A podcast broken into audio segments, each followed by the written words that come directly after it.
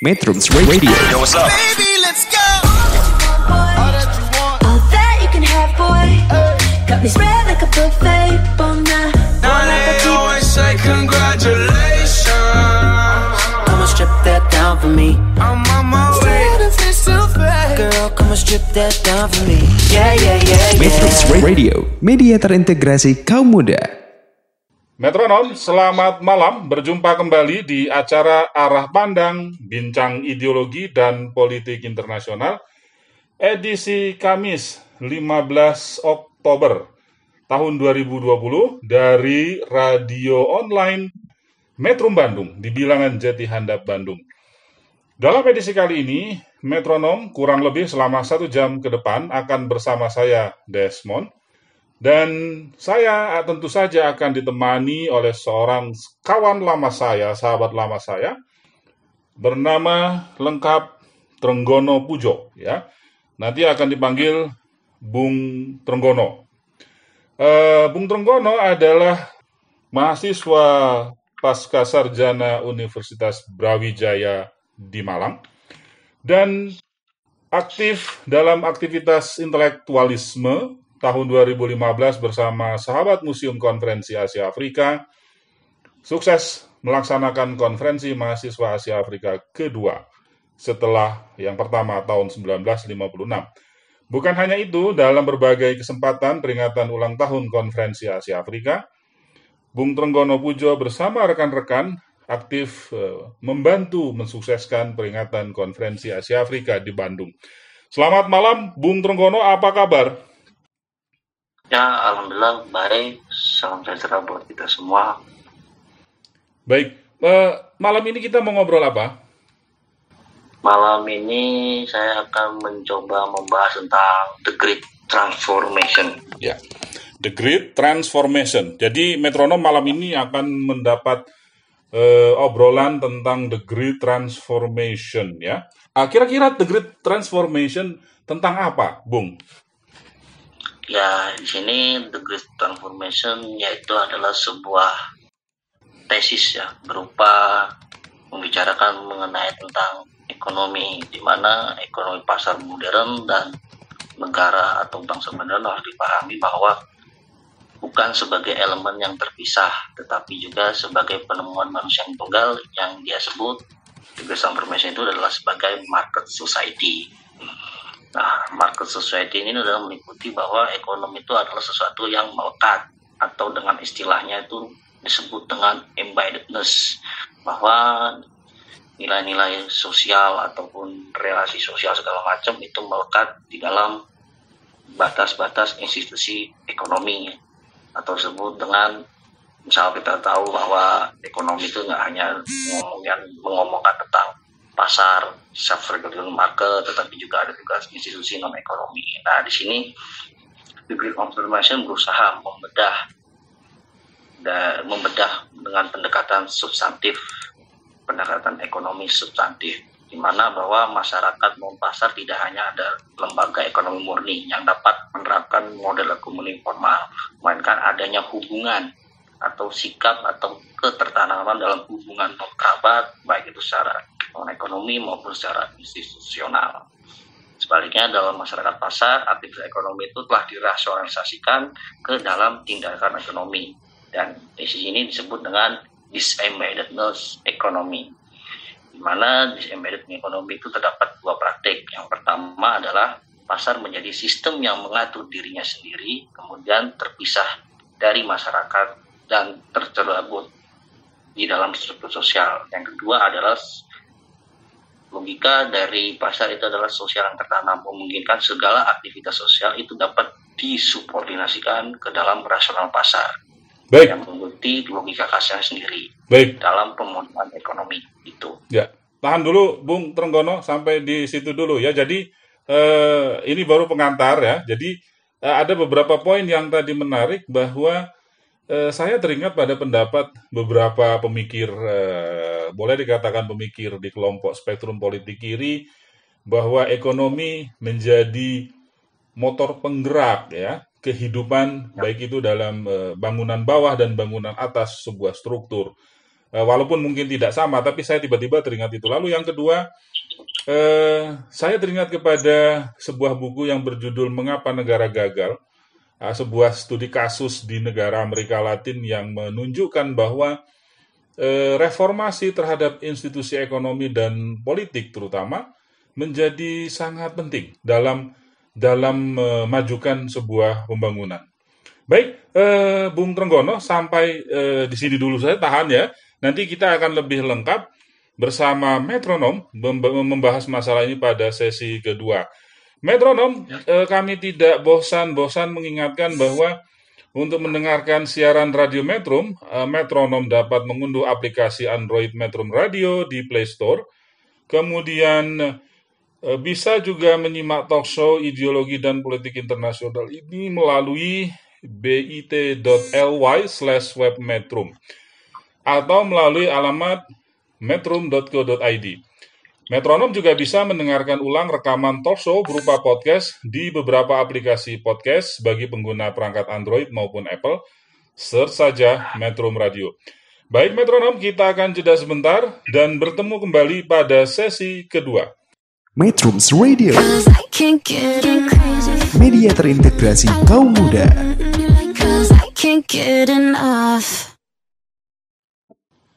Metronom, saat ini kita telah berada di sesi kedua acara Arah Pandang, Bincang Ideologi dan Politik Internasional. Pada sesi kedua ini, eh, Bung Trenggono akan menjelaskan kepada metronom sesuatu yang lebih lengkap tentang The Great Transformation. Silakan Bung Trenggono. Ya, ide dari The Great Transformation ini adalah salah satunya yang paling menonjol yaitu adalah ekonomi substantif. Mana kita lihat bahwa ciri khas dari market society adalah negara ekonomi telah diubah, di mana pada dasarnya adalah hubungan timbal balik atau redistribusi di seluruh hubungan pribadi dan komunal. Nah, sebagai konsekuensinya dari integrasi dan meningkatkan pengaruh negara ke pasar kompetisi diciptakan yang melemahkan kecenderungan sosial. Kita tahu bahwa eh, ekonomi yang bersifat formalis itu kan masih menjauhkan antara institusi manusia ya manusia sebagai homo economicus maupun juga manusia sebagai hubungan apa homo sosial. Nah, the green transformation ini adalah untuk mengembalikan lagi atau dalam bahasanya itu meng-rebanding. Kenapa sih negara-negara kayak di zaman kolonial itu tercerabut dari institusi sosial? Ya kita kita asumsikan bahwa ya negara kolonial pada dasarnya kan untuk di daerah ke menjelajah ke daerah negara-negara berkembang itu adalah tujuannya ya saya adalah sebagai pedagang nggak ada urusan yang lain gitu nah di satu sisi pedagang segala macam mereka sana ya berdagang iya memiliki administrasi yang membuat bentuk suatu semacam ya administratif kecil lah. Administratif kecil di mana itu nanti adanya persinggungan. Nah persinggungan itu yang disebut dengan namanya double movement. Nah, apa sih double movement itu? Double movement itu adalah suatu gerakan ganda di mana berusaha untuk menegak mengapa ya, menyeimbangkan antara ekonomi yang bersifatnya itu formalis, memisahkan diri kepada hubungan sosial dan juga mendekatkan diri, mendekatkan kepada institusi sosial berupa hubungan sosial maupun hubungan kultural maupun hubungan-hubungan yang di luar institusi formal seperti itu. Bung Trenggono, Dan kita- maaf Bung Trenggono, Ya. bolehkah dikatakan misalnya dalam sebuah pandangan bahwa eh, ini sangat terkait kepada aktivitas merkantilisme yang dilakukan oleh VOC, EIC, yang kemudian menjadi warisan eh, institusi ekonomi kemudian hari di sebuah negara yang pernah dijajah ataupun sudah merdeka. Ya salah satunya demikian kita tahu bahwa ya mereka kan tujuannya ya saya ini aja untuk ya dari merkantilisme kita tahu bahwa maksudnya kan bersifat laissez-faire. Di mana ada yang negara di mana adanya pertukaran emas kemudian di mana ada suatu kepengaturan atau self protection yang dibuat oleh negara liberalis negara ya negara dari negara apa negara kolonial. Namun kenapa pada saat yang waktu ditarik ke 100 tahun yang lalu bahwa kenapa sih sistem yang dibuat ini ternyata rapuh. Oh ternyata mereka melupakan atau menghindari melupakan bahwa institusi sosial itu ya penting di dalam suatu ekonomi gitu ya kita asumsikan bahwa di zaman setelah apa institusi sosial baru yaitu negara Indonesia baru merdeka ya kita tahu lah bahwa perwakilan atau institusi sosial yang lebih formal yaitu negara Indonesia atau negara-negara Afrika yang lainnya itu sudah memerdekakan diri dia akan melakukan re-banding lagi terhadap ekonomi institusi sosial sebagai bentuk dari self protection. Kita tahu bahwa setelah apa kemerdekaan Indonesia kemudian adanya pertemuan di segala macam beberapa perwakilan dari negara kita beberapa perwakilan dari institusi sosial yang diwakili oleh Soekarno dan kawan-kawan dia akan melakukan suatu self protection yaitu dengan cara nasionalisasi kita tahu kan bahwa setelah pasca kemerdekaan Indonesia itu tahun setelah KAA itu kita pernah melakukan namanya nasionalisasi, kemudian adanya deklarasi Al-Rusa, kemudian juga adanya Kanal Suez. Nah, kenapa tujuan dari institusi sosial yang lebih formal ini melakukan nasionalisasi dengan cara self protection, proteksionisme? Karena untuk mengembalikan lagi ke tatanan embeddedness sesuai dengan konteks negaranya masing-masing itu sih. Ya, baik. Berarti eh, ini melihat lebih jauh peran institusi sosial yang berperan ya. membangun keseimbangan apa? Eh, ya, membangun keseimbangan kembali sebelum era kolonialisme ya begitu. Ya, betul. Nah, tentunya untuk mengembalikan lagi suatu institusi sosial ekonomi enggak nggak apa ya nggak semudah ya semacam dialektika dialektika tentang nasionalisasi segala macam dan kemudian dibuat namanya self protection self protectionisme yaitu adanya pengat, apa aturan-aturan yang baru di sektor-sektor entah itu di, di bagian perkebunan entah itu di perkembang di, di bagian migas segala macam itu adalah salah satu upaya untuk menanam kembali. Di mana yang kita tahu bahwa di era di zaman kolonial segala macam itu sedikit ke terabut dari institusi sosial yang lebih kecil. Ya, Bung, atau individu Bung Trenggono. Bung Trenggono ya. tiba-tiba saya teringat dari penjelasan Bung Trenggono ini adalah era liberalisasi di Hindia Belanda awal 1800-an ah, kalau tidak salah 1 Januari 1800-an di mana pemerintah eh, kerajaan Belanda pada saat itu gencar mempromosikan tanah Hindia Belanda sebagai tanah yang subur untuk tujuan investasi asing dari negara-negara kerajaan-kerajaan di Eropa Barat. Dan kemudian uh, berduyun-duyun para investor datang dari Eropa Barat menanamkan modalnya di Hindia Belanda dan berdirilah sejumlah perusahaan-perusahaan besar yang mengelola komoditas-komoditas perdagangan dan akhirnya memicu berbagai konflik agraria. Kurang lebih begitu, Bung ya? Ya, kira-kira begitu. Hanya saja uh, dikembalikan lagi lah uh, apa ya beberapa komoditas kalau selalu baca kan salah satunya di karangan siapa dong ekonomi dualisme furnival ya di mana itu membagi yang membagi membagi masyarakat Indonesia sebagai golongan apa Asiatik. Asia Timur Asia Timur kalau nggak salah itu Asia Timur kemudian juga selain Asia, Asia Timur kemudian ada juga penggolongan pribumi di mana itu adalah bagian dari apa ya pemisahan pemisahan dari institusi sosial yang dibangun di zaman era kolonial. Ya. Sama juga seperti pertanyaan yang muncul, eh, apakah India yang kita kenal sekarang adalah India yang lahir sebelum era ekonomi politik, atau India yang lahir setelah era ekonomi politik? Maksudnya bahasa sederhananya adalah India yang kita lihat hari ini sebagai aktor dalam politik internasional, apakah India seperti zaman eh, apa kerajaan sebelum era kolonialisme atau India yang lahir setelah era kolonialisme? Jadi eh, akan ada perilaku yang berbeda katanya karena apa? Salah saya pikir salah satunya adalah dipicu oleh variabel tadi ya institusi sosial ekonomi apakah dia akan berjalan mulus integrasinya atau Hmm. ada eh, fase nasionalisasi yang terkesan eh, memaksa ya mengambil kurang lebih begitu bung ya Kira-kira begitu. Nah, jika kita lihat di negara apa ya, negara Nusantara ya, bisa dikategorikan sebagai Nusantara segala macam bahwa pemenuhan ekonomi di masing-masing institusi sosial yang lebih kecil itu hanya untuk memenuhi ekonomi rumah tangga.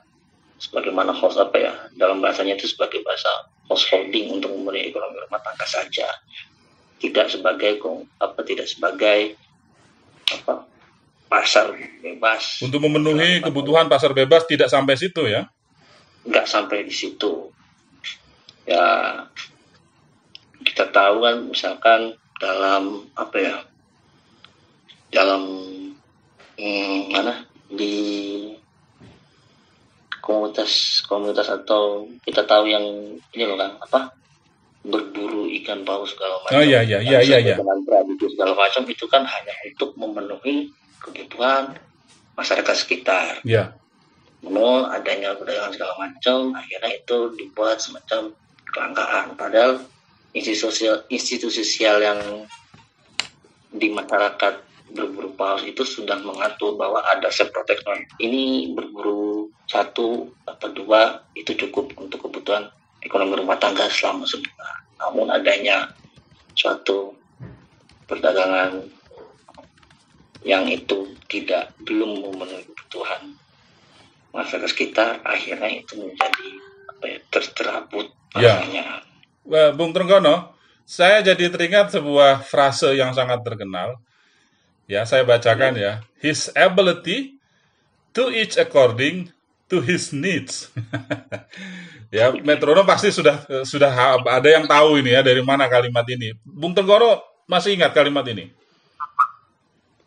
ah ya sedikit Ya. refresh lah Ya, sedikit refresh ya. Ini salah satu kalimat yang dibat yang di apa yang dia sebagai sebuah tesis yang diajukan oleh eh, apa? seorang pemikir ekonomi di political spectrum sebelah kiri ya. His ability to each according to his needs. Jadi memang ketika menanam cengkeh, kalau hanya untuk keperluan komunitasnya saja, tidak ada masalah.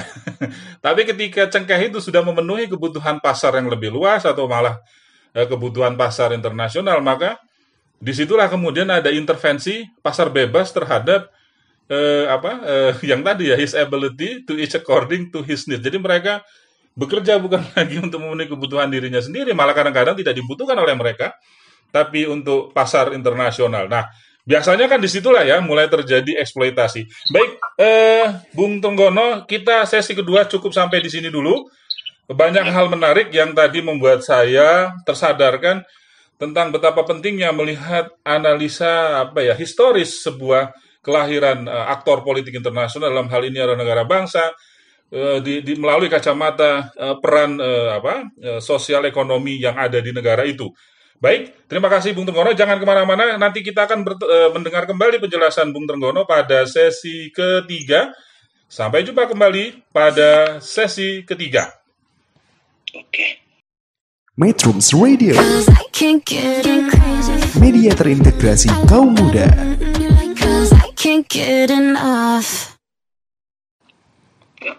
Metronom, kini kita telah berada di sesi ketiga acara arah pandang, bincang ideologi, dan politik internasional.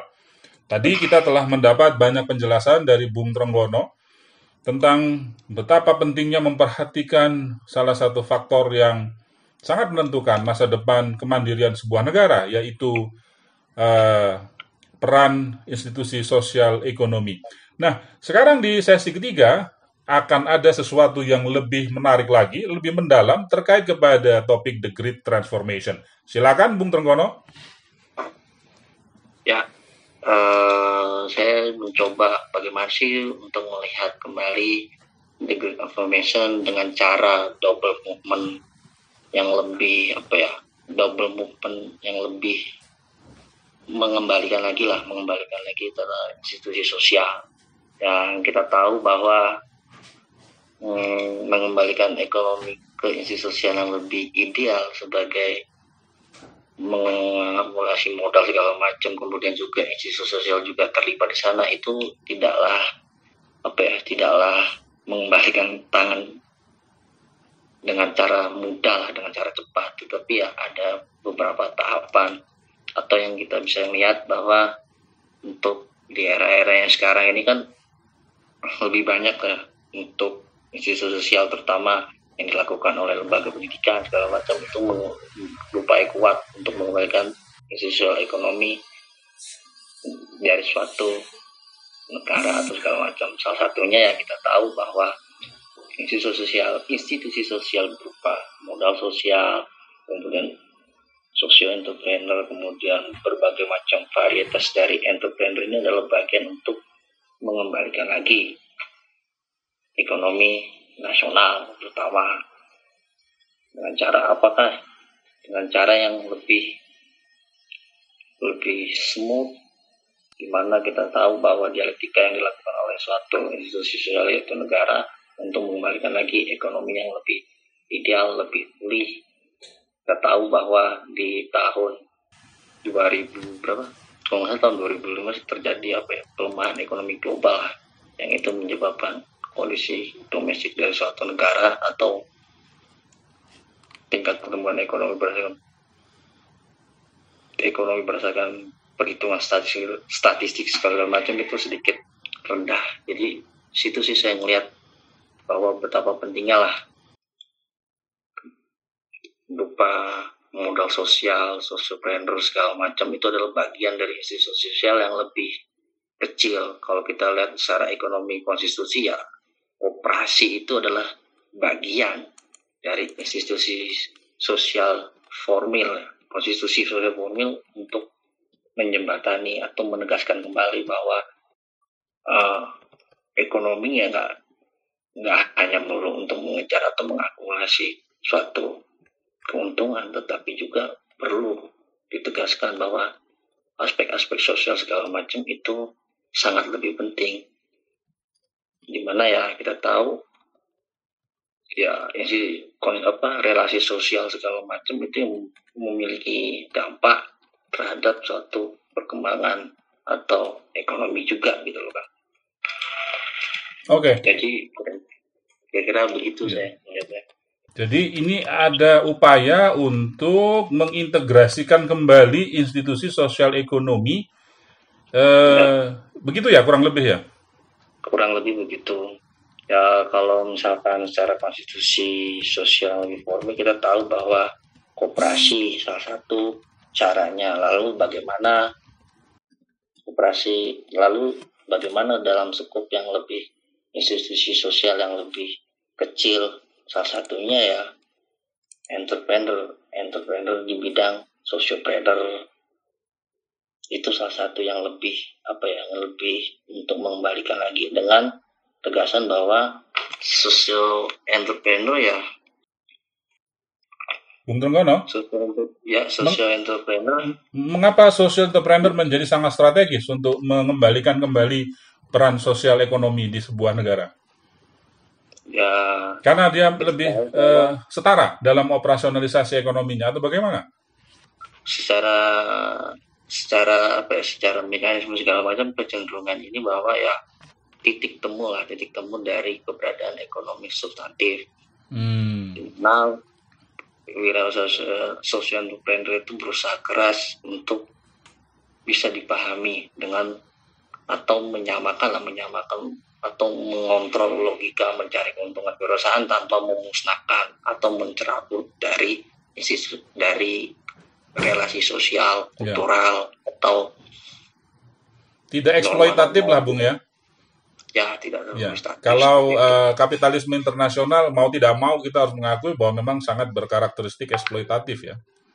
Ya, ya. sangat apa ya, sangat eksploitatif dengan dengan catatan bahwa social entrepreneur itu jangan lagi tidak apa ya jangan mengabaikan lah kondisi sosial masyarakat dengan cara yang lebih alternatif untuk didistribusikan kembali gitu kesejahteraannya bagi masyarakat. Ini ada yang menarik ini satu frasa dari Bung Tenggono. melakukan redistribusi kesejahteraan kepada masyarakat ya.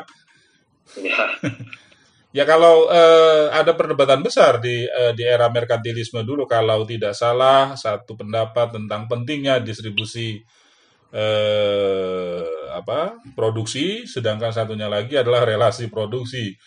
Eh, ketika distribusi produksi menjadi sasaran utama, maka akan berkarakteristik eksploitatif dampaknya. Maka perlu diimbangi dengan memperhatikan tentang relasi produksi sebuah eh, aktivitas ekonomi. Nah, bagaimana dengan koperasi, Bung? Apakah masih punya harapan koperasi sebagai salah satu eh, apa ya tadi disebut cara ya untuk mengembalikan kembali eh, apa eh, rebranding, re-embedded itu? kalau dari koperasi sendiri, ya saya nggak apa ya, kita nggak mungkin salah itu dari gagasan dari Suaranya Bung agak naik, Bung.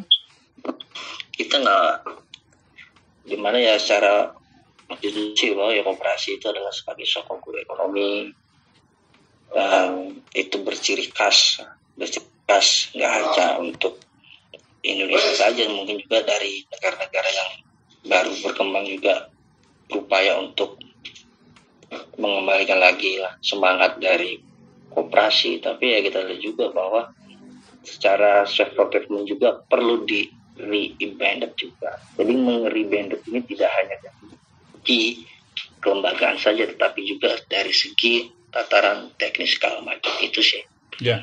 sama dengan halnya siapa Bung Karno ya, Ya. secara konstitusi secara institusional yang paling besar yang berusaha meng- upaya melakukan menasionalisasi tidak hanya menasionalisasi dengan cara deklarasi aja tetapi juga dengan cara self protection yang lebih ketat gitu. Bung Tanggono. Administrasi privatisasi segala macam itu yang dilakukan oleh beberapa negara Ya. Asia Afrika tentunya. Ya, Bung Trenggono, suaranya agak dinaikkan sedikit ya.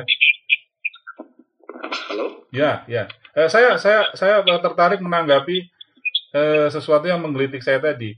Eh, maksud saya begini, di tengah eh, menguatnya ya eh, neoliberalisme di dalam apa eh, saluran perdagangan internasional, investasi internasional, ini seberapa kuat kita mampu bertahan untuk melakukan re-embedded double movement melalui apa variabel-variabel yang tadi kita sebut. Eh, yang jelas itu tidak hanya dilakukan dalam yang yang besar dulu, tetapi yang lakukan yang lebih kecil lah. Institusi sosial yang lebih informal itu akan bisa dilakukan. Ya. Gitu loh Kang. Ya, berarti eh, lebih lebih kepada akar rumput ya Kang ya? Ya betul betul. Karena dia akan Kayak- lebih efektif ya. Satu lebih saya bilang nggak efektif sih, cuma lebih apa ya? Lebih terasa manfaatnya mungkin. lebih besar manfaat dari sekitarnya dulu sehingga bisa mengapa yang lebih tahap yang lebih besar itu sih beberapa aku lihat lah Ya. Paling tidak memutus mata rantai ketergantungan eh, komunitas ekonomi tertentu terhadap eh, apa eh, barang-barang yang dihasilkan dari perdagangan neoliberal. ya dan mengeri tidak hanya dari institusi eh, dari institusi sosial yang lebih tapi juga ya di dalam di dalamnya yang kita tahu bahwa situ adanya kelompok adanya individu Ya. adanya berbagai macam lah Dan ini eh, fokusnya adalah memperkuat ya peran eh, lembaga ya. ya lembaga lembaga tidak hanya yang bersifat formal tapi juga yang bersifat informal Nah. juga seperti itu Ya. Baik, baik eh, Bung Trenggono, eh, eh, sesi ketiga cukup sampai di sini dulu ya. Nanti kita lanjutkan di sesi keempat. Setelah ini, metronom jangan ke mana-mana. Setelah ini, Bung Trenggono masih akan hadir bersama kita menjelaskan eh, fakta-fakta, contoh-contoh bagaimana kita menganalisa the great transformation di dalam kehidupan sehari-hari pada sesi pamuncak di sesi keempat nanti. Baik, sampai jumpa pada sesi keempat. Metrums Radio, media terintegrasi kaum muda.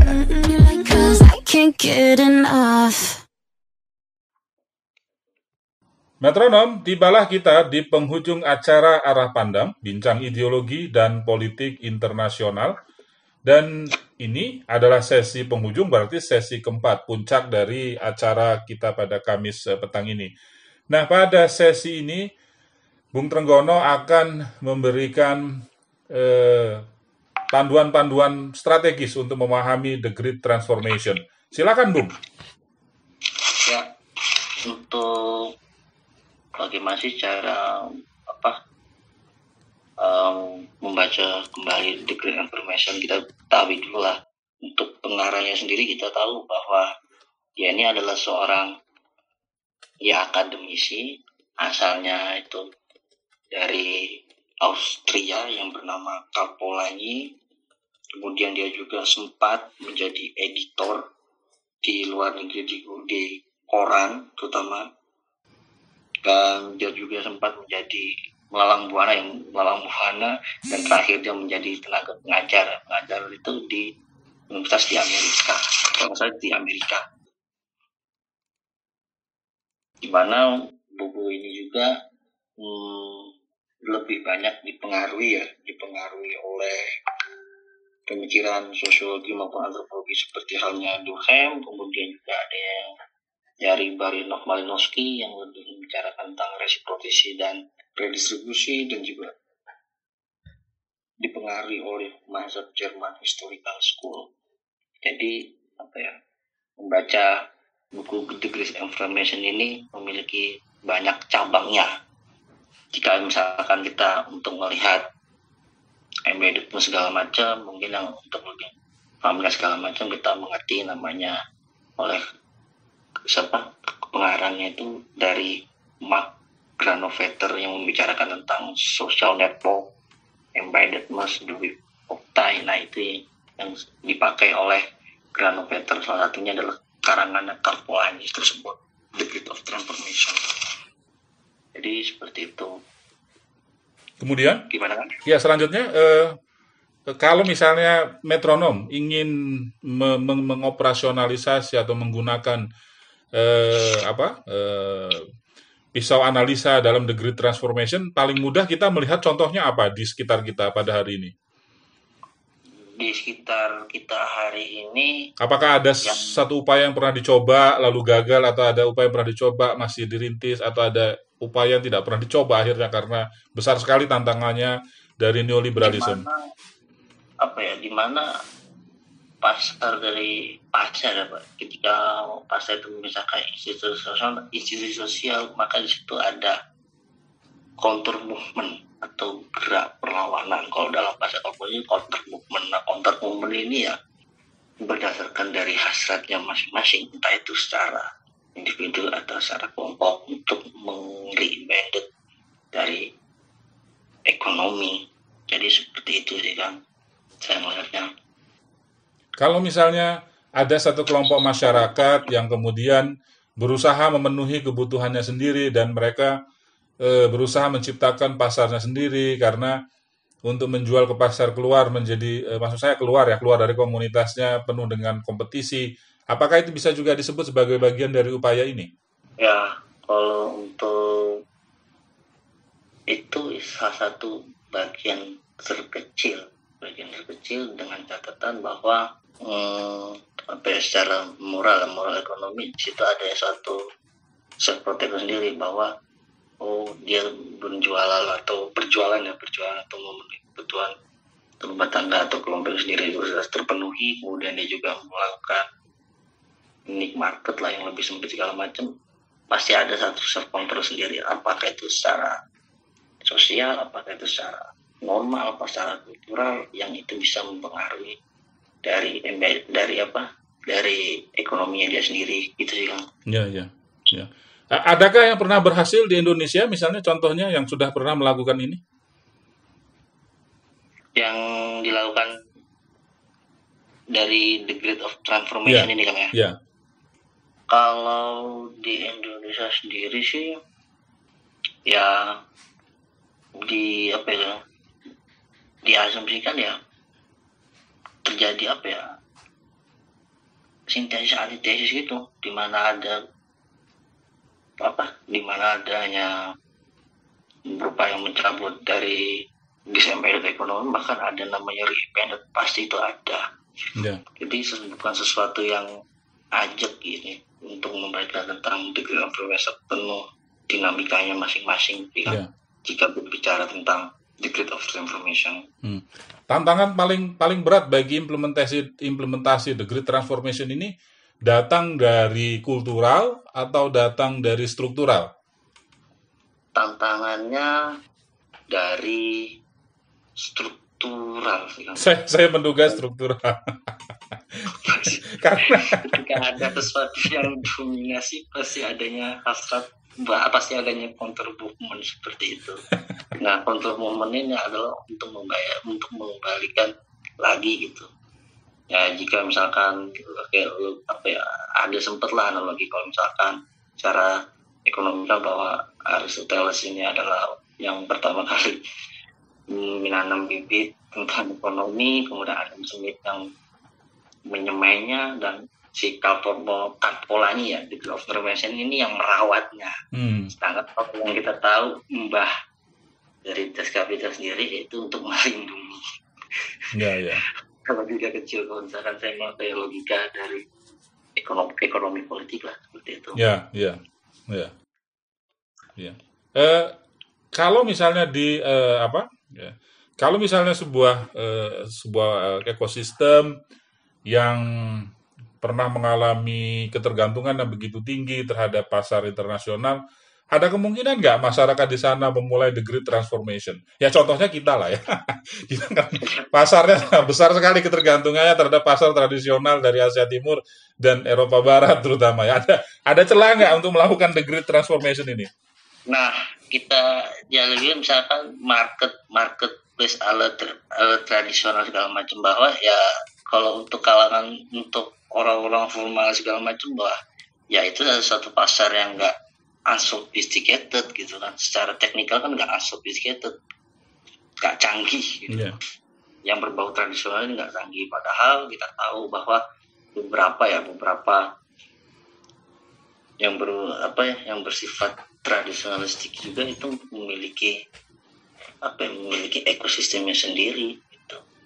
Nah jika misalkan kita flashback berapa minggu ya? Dua minggu yang lalu ngomong tentang apa? Tentang the hidden of transcript the resistance itu. Nah ini Iya, dengan Kang Haryo. moral, ya moral ekonominya. Di mana ya yang berbau tradisional ini ya memiliki rasionalitas untuk memperoleh keuntungan kemudian juga mendistribusikannya kepada ke komunitas kecil. Yang kita tahu lah contohnya nih kan contohnya ya contohnya saya ambil lah ya saya ambil di mana di desa mau bahasa di sini ya kita tak di sini ada semacam semacam kayak jimpitan itu loh kan jimpitan Ya. jimpitan itu Jimpitan beras yo. Halo. jadi ya saya mengambil asumsi kayak misalkan yang ada di rumah kegiatan di rumah mbak saya ini ada main jimpitan segala macam nah itu ya salah satu bentuk dari unofficial store yang ber, unofficial praktikal yang bersifat rasional dan juga moral. Ya. moralnya apa? Oh ternyata dengan masyarakat sekitar segala macam ini mendistribusikan baik. Biasanya beras ya karena ada juga beberapa itu yang menggunakan uang gitu. Ya. setelah itu dikumpulkan tiap minggu per masing-masing komunitas atau masing-masing individu kemudian itu didistribusikan kembali kepada keamanan segala macam nah itu untuk memenuhi kebutuhan sing penjaga nih ngono loh. Ya, ya, kalau ya. Betul. Ini konkret sekali ya. Konkret ya. Konkret. Ya. Nah, hanya saja kan kalau untuk orang-orang yang bersifat hanya saja kan Ya. jika kita pandang ini sebagai sistem yang lebih formal kan ini enggak sebagai yang unsophisticated lah, Ya. nggak canggih, nggak Ya. tercatat, nggak apa ya, Tidak terorganisir. Tidak terorganisir, lalu juga nggak ada pencatatan untuk mendistribusikannya. Padahal secara ini sangat open mereka, Mhm. tiap minggu dilakukan, tiap minggu dilakukan. Jadi seperti itu. Kadang-kadang Kang begini Kang ya, saya eh, apa berkaca pada apa yang sudah disampaikan oleh Bung Haryo pada pekan sebelumnya. Eh, sesuatu yang eh, tidak terorganisir itu justru lebih tangguh. Karena mereka apa ya, ada partisipatif model dari setiap anggota atau peserta atau siapa pun yang terlibat di dalamnya. Tidak karena ada sanksi dan punishment gitu lalu mereka ber, apa, bergerak, tapi benar-benar berangkat dari karakteristik partisipatif gitu. Malah kadang-kadang yang terlalu ketat terorganisir itu sangat bergantung kepada reward and punishment kayak gitu. Ya, betul itu kan. Jika apa ya, eh, mungkin semua Pak umum pernah baca lah tentang bazar ekonomi segala macam bahwa ya yang berbau tradisional itu ya kita sebagai pembaca awam yang berbau tradisional itu ya ternyata ada nilai demokratisnya juga, Nah, ada itu. ekonominya juga, ada opennya juga, dan juga ada komitmennya juga, dan ada juga keuntungan dari mana itu keuntungan didistribusikan kembali.